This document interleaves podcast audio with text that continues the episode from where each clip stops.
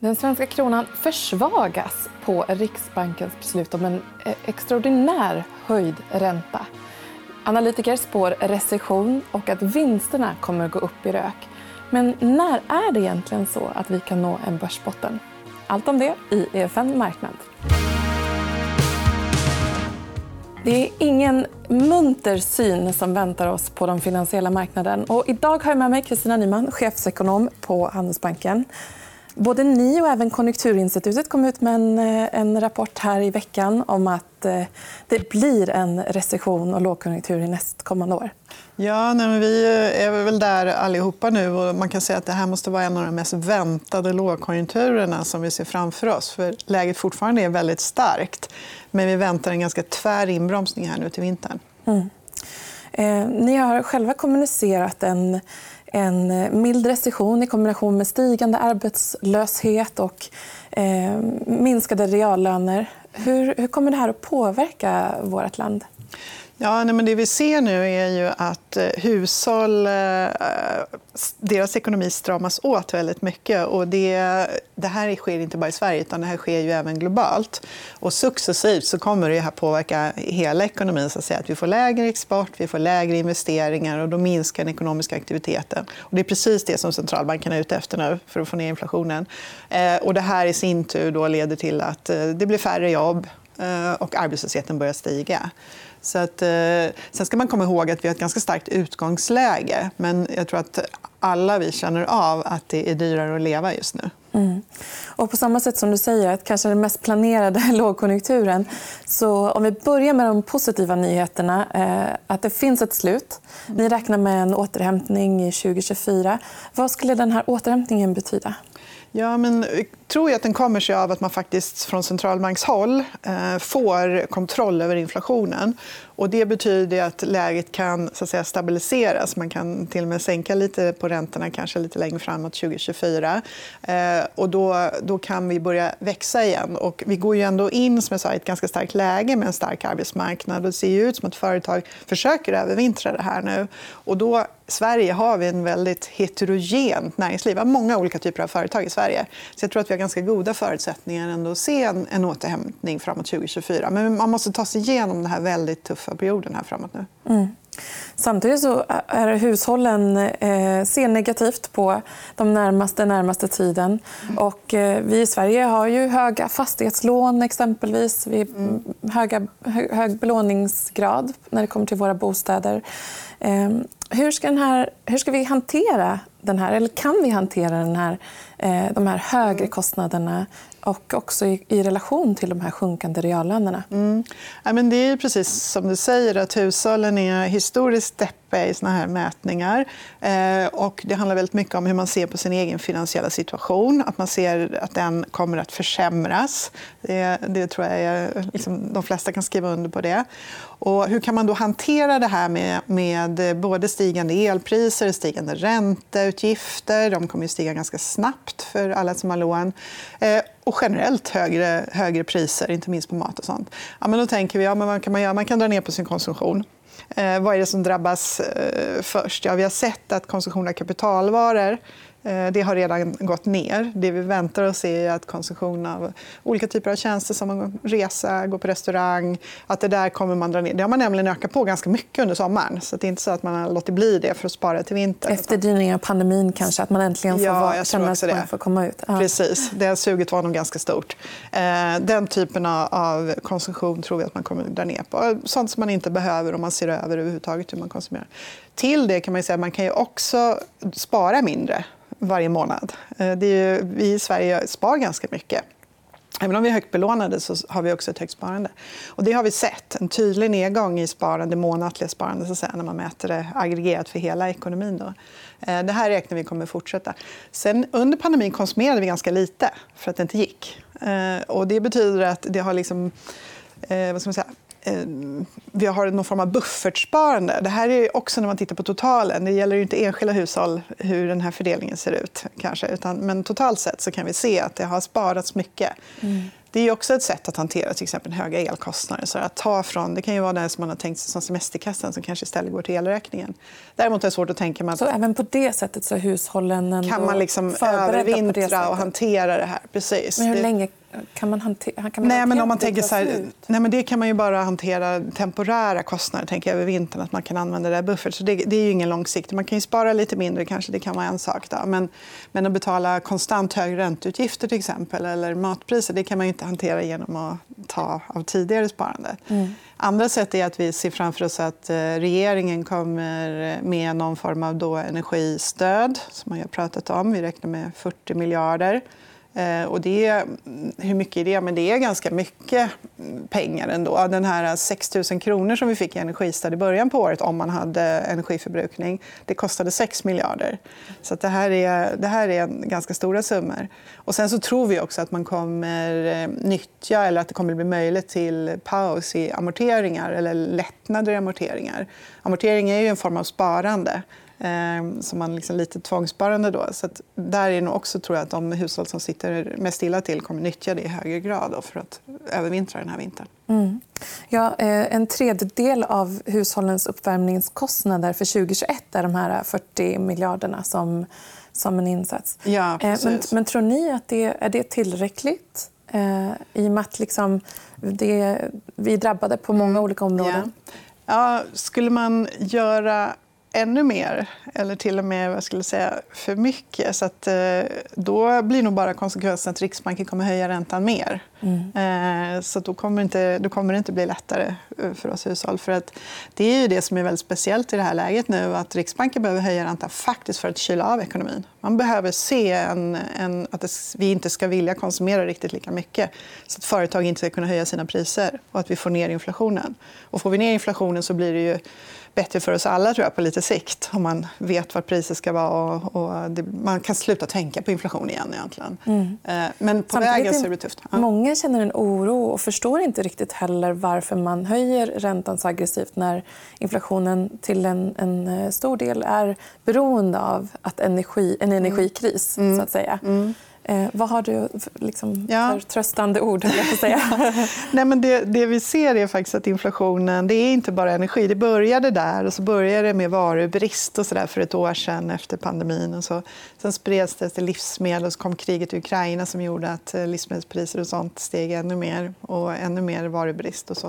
Eh, men det här har spridit sig. När priser är höga ett tag så har det spridit sig. Så nu stiger även tjänstepriser och restaurang. Allting stiger. Liksom, som inte, även sånt som inte är direkt kopplade till energi och till de här importerade kostnaderna. Eh, och då, anledningen till att man då behöver strama åt i Sverige med högre ränta är ju för att det här inte ska etablera sig som en norm. Att nu stiger priser alltid med 8-10% och så fortsätter man höja och så börjar löner följa efter också öka med 8-10% och sen vet vi inte riktigt var. Blir det 15 sen eller hur blir det här? Och det är, alla centralbanker nu agerar ju ganska likartat vilket betyder att då kan man få ner trycket i hela världsekonomin och då kan också råvarupriser sjunka. Och det har vi redan sett att de har börjat sjunka tillbaka i väntan på att det ska bli svagare. Sen är ju energikrisen en egen kris, men det måste man också jobba på. själva Spara på energi, på utbud. Hur ska, hur ska vi få till en, en stabilitet i energiförsörjningen? Men det är inte bara det. Helt mm. Så att eh, egentligen säkerställa att vi inte importerar en inflation hit ja, genom att ligga efter? Ja, och att vi inte själva skapar en egen inflation i landet. Det är också därför Riksbanken höjer räntan. Då, för, att, för att helt enkelt eh, jobba parallellt. Då. Mm. Och du är inne på det med hur företagen också har drabbats av den här inflationen. Och vi har med oss en, en graf som visar på eh, hur eh, stämningen är ute både bland mm. hushåll eh, men även företagare. Och där så ser vi att hushållen de är ju rejält oroliga. Mm. Och det är den här ljusblå linjen som är all time low. Det har den varit vid varje mätning här i princip. Då. Och det har väldigt mycket att göra med att det är så brett Eh, förväntan om att få ett sämre läge, inte minst för sin egen ekonomi. Vi ser ju här 2008, eh, finanskrisen och pandemin, då steg ju arbetslösheten kraftigt. Skillnaden nu är att vi fortfarande har en arbetslöshet som sjunker och jättestor brist på arbetskraft. Och ändå är det så här deppigt. Så det har ju att göra med stigande kostnader. helt enkelt. Alltså, både orolig och att det påverkar. Företagen har ju legat väldigt, väldigt optimistiskt, som, vi, som du nämnde och som vi var inne på förut. Nu har det börjat tippa ner där lite grann, som man ser. Så man är strax under normalt. Och det är framför allt inom detaljhandeln som vi ser att det bromsar in medan eh, industrin fortfarande har bra orderböcker. Och mm, generellt så säger man att man ska öka antalet anställda i de flesta branscher. Mm. Men den här differensen mellan hushållens eh, känslor runt vad som pågår runt om dem och företagen är den, är den historiskt hög? Den ja, vi har aldrig sett något liknande. som man också såg i den där grafen. Och normalt så samvarierar de här ju ganska väl ändå och brukar vara en bra indikator på vart BNP och, och det ekonomiska läget är på väg. Och då kan man säga att här är ju spridningen så stor så att, det eh, är jättesvårt att säga. Så att, tanken som vi och alla andra, och det är därför vi säger att det är en förväntad lågkonjunktur. För vi tänker att så här eh, deppiga hushåll som drabbas så här hårt av hög inflation det kommer få påverkan på företagen. De kommer inte kunna fortsätta höja priserna på det här sättet och lönsamheten kommer gå ner. Mm. Om man tittar på de räntehöjningar som har gjorts eh, både i Sverige men även internationellt eh, så ser vi ändå att det tar ett tag att få bukt på inflationen. Mm. Vad är det som gör att, liksom, att det laggar efter på något sätt med mm. just inflation? Nej, och det är en jättebra fråga. och Det är också det som är jättesvårt för centralbanker nu. för att De höjer väldigt mycket nu. Och hur ska man veta när man har höjt för mycket? Mm. I, I termer av att man ger för stora negativa på effekter på ekonomin mycket mer än vad som behövs för att få kontroll på inflationen. Man vågar inte chansa nu för man är rädd att inflationen ska skena. Och varför det tar tid är ju för att ja, men du höjer räntor, då påverkar det vårt beteende. Vi eh, börjar konsumera lite mindre. Det blir dyrare för företag att investera. Så småningom så minskar då ekonomisk aktivitet. Det betyder att företagen börjar anställa färre eh, eller kanske till och med säger upp. och Det blir svårare att höja priser. Och då, så småningom då så minskar inflationstrycket och det faller tillbaka. Mm. Men det där brukar man säga tar ett till två år eller någonting att, att trilla igenom. Mm. Eh, och hur mycket kommer Sverige då behöva höja räntan mm. eh, för att få bukt på inflationen? Jag vet att det är många som känner redan nu har lite ont i magen. Mm. mm.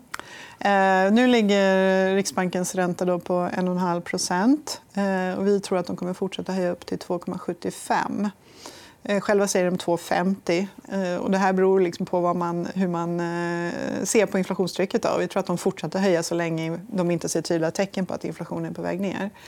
2,75 det är inte högt om man tittar i ett historiskt perspektiv. Om man tittar 2008 så hade vi 4,75. Men svenska hushåll är så mycket mer skuldsatta nu. Så att 2,75 det gröper ur vår köpkraft mycket mer än vad 4,75 i ränta gjorde 2008 eftersom vi har högre skulder. Så det här är en jättefin balansgång man går här till att höja för mycket. Mm. Och samtidigt så har vi ju en, eh, en, en situation där den svenska kronan försvagas. Mm. Även när man gör en sån här historisk höjning om 1 ja. Vad betyder det? Ja. Och eh, det kan man nog tänka att man säkert från centralbankens sida hade, och Riksbankens sida hade räknat med att man höjde mer än förväntat. och Då borde man ha fått en liten kronförstärkning. Eh, det fick man inte alls. Det blev det motsatta. En sak är att svenska kronan försvagas i såna här miljöer med väldigt mycket osäkerhet. Vi har ju det eskalerande konflikten med, eh, med Ryssland. Eh, och vi har alla, alla de här osäkerheterna globalt som påverkar. och Då vill man inte vara i små valutor. Men att, att kronan försvagades på, på Riksbankens besked det tror jag också kan ha att göra med att det finns eh, utanför landets gränser en oro för hur kommer svenska hushåll klara av om räntor stiger snabbt. Hur kommer till exempel den kommersiella fastighetssektorn som är högt belånad klara av om räntor stiger snabbt? Finns det här en risk att vi får en, eh, en stor korrigering i den svenska ekonomin? Och då lägger man på någon riskpremie på Sverige. helt enkelt. Mm. Och, eh, vi har ju ett skräckexempel inte så jättelångt ifrån oss nu med oerhört mycket osäkerhet i Storbritannien. Vi tittar på pundet här också. tänker jag. Eh, en graf som visar på försvagningen både gentemot euro eh, och dollar. Mm. Ja, nej, men det, det som händer i Storbritannien nu är, är, det är både väldigt oroande och vi har aldrig sett något liknande.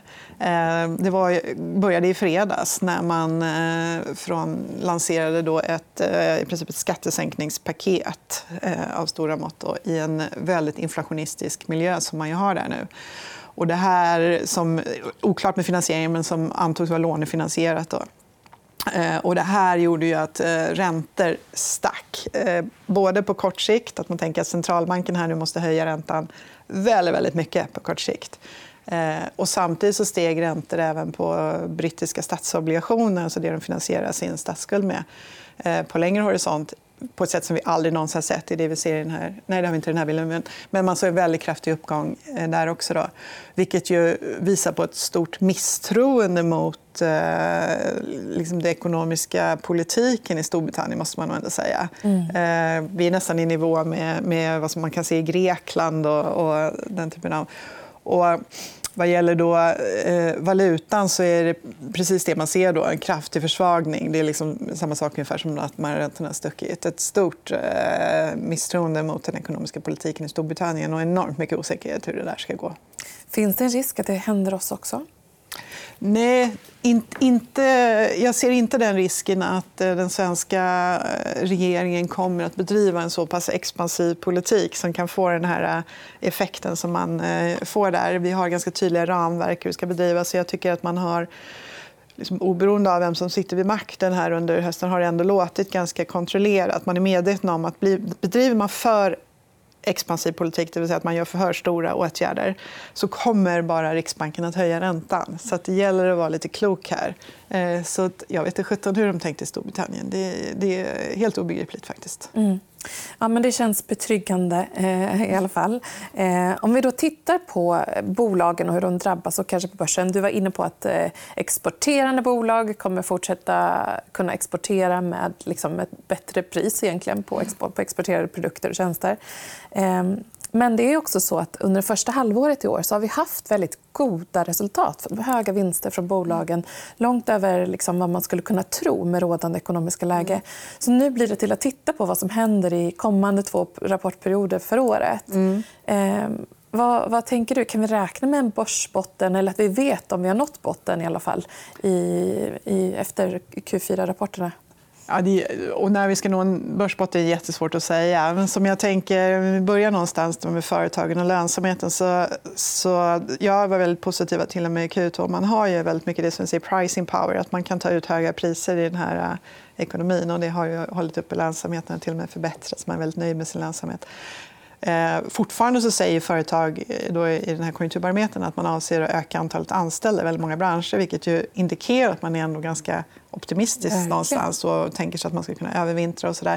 Det kan ju också bero på att det är väldigt, väldigt svårt att få tag på folk så man tänker att det är bra att ha dem även om vi går in i en svagare Men jag tror absolut att vi kommer gå in i ett svagare svagare lägenhet för företagen nu. Att vi kommer få se lägre vinster. Det kommer bli mycket tuffare med att höja priser. Än så länge verkar man mm, tycka att man kan göra det. Så att om det blir Q3 eller Q4 jag vet inte, men det kommer komma. Mm. Eh, två kvartal är en trend i alla fall. Ja, så, så det, det kommer gå åt det hållet. Och sen mm. tänker väl vi vad gäller börsen så är det väldigt stor volatilitet där också för att det är så himla osäkert. För ingen vet hur högt centralbanker behöver gå med räntor när vi inte vet hur hög inflationen kommer bli om den verkligen kommer vända som vi och många andra tänker i, någon gång i början på nästa år. Att centralbanken då kan kan sluta med sina räntehöjningar. Så där någonstans, när man börjar se att inflationen börjar vända ner mer tydligt och att centralbankerna slutar med sina räntehöjningar, där ungefär tror jag att börsen stabiliseras. Mm. Om det är då i första kvartalet eller andra kvartalet eller någonting. Och när det vänder upp, eh, ja, för börsen reagerar ju före ekonomin som helhet. Då, men, mm. men där någonstans kanske. Eh, så att, eh, även om bolagen kommer att drabbas nu i, de kommande två kvartalen, vi kommer att se lite en dämpad marknad så att säga, så eh, finns det ändå goda möjligheter för några av bolagen att fortsätta växa. Ja, men det tror jag alltid att det finns beroende på vilken marknad man är i. Och så där. Men, men eh, ett svagare läge nu och mer utmanande. Man måste börja hantera det att man inte kan föra vidare alla kostnader längre. Mm. Tack så jättemycket Kristina för att du var med i dagens program. Vi är tillbaka på onsdag med ett nytt avsnitt. In och följ oss på våra sociala medier. EFN Aktiekoll på Instagram eller EFN Marknad på Twitter. Ha det så gott!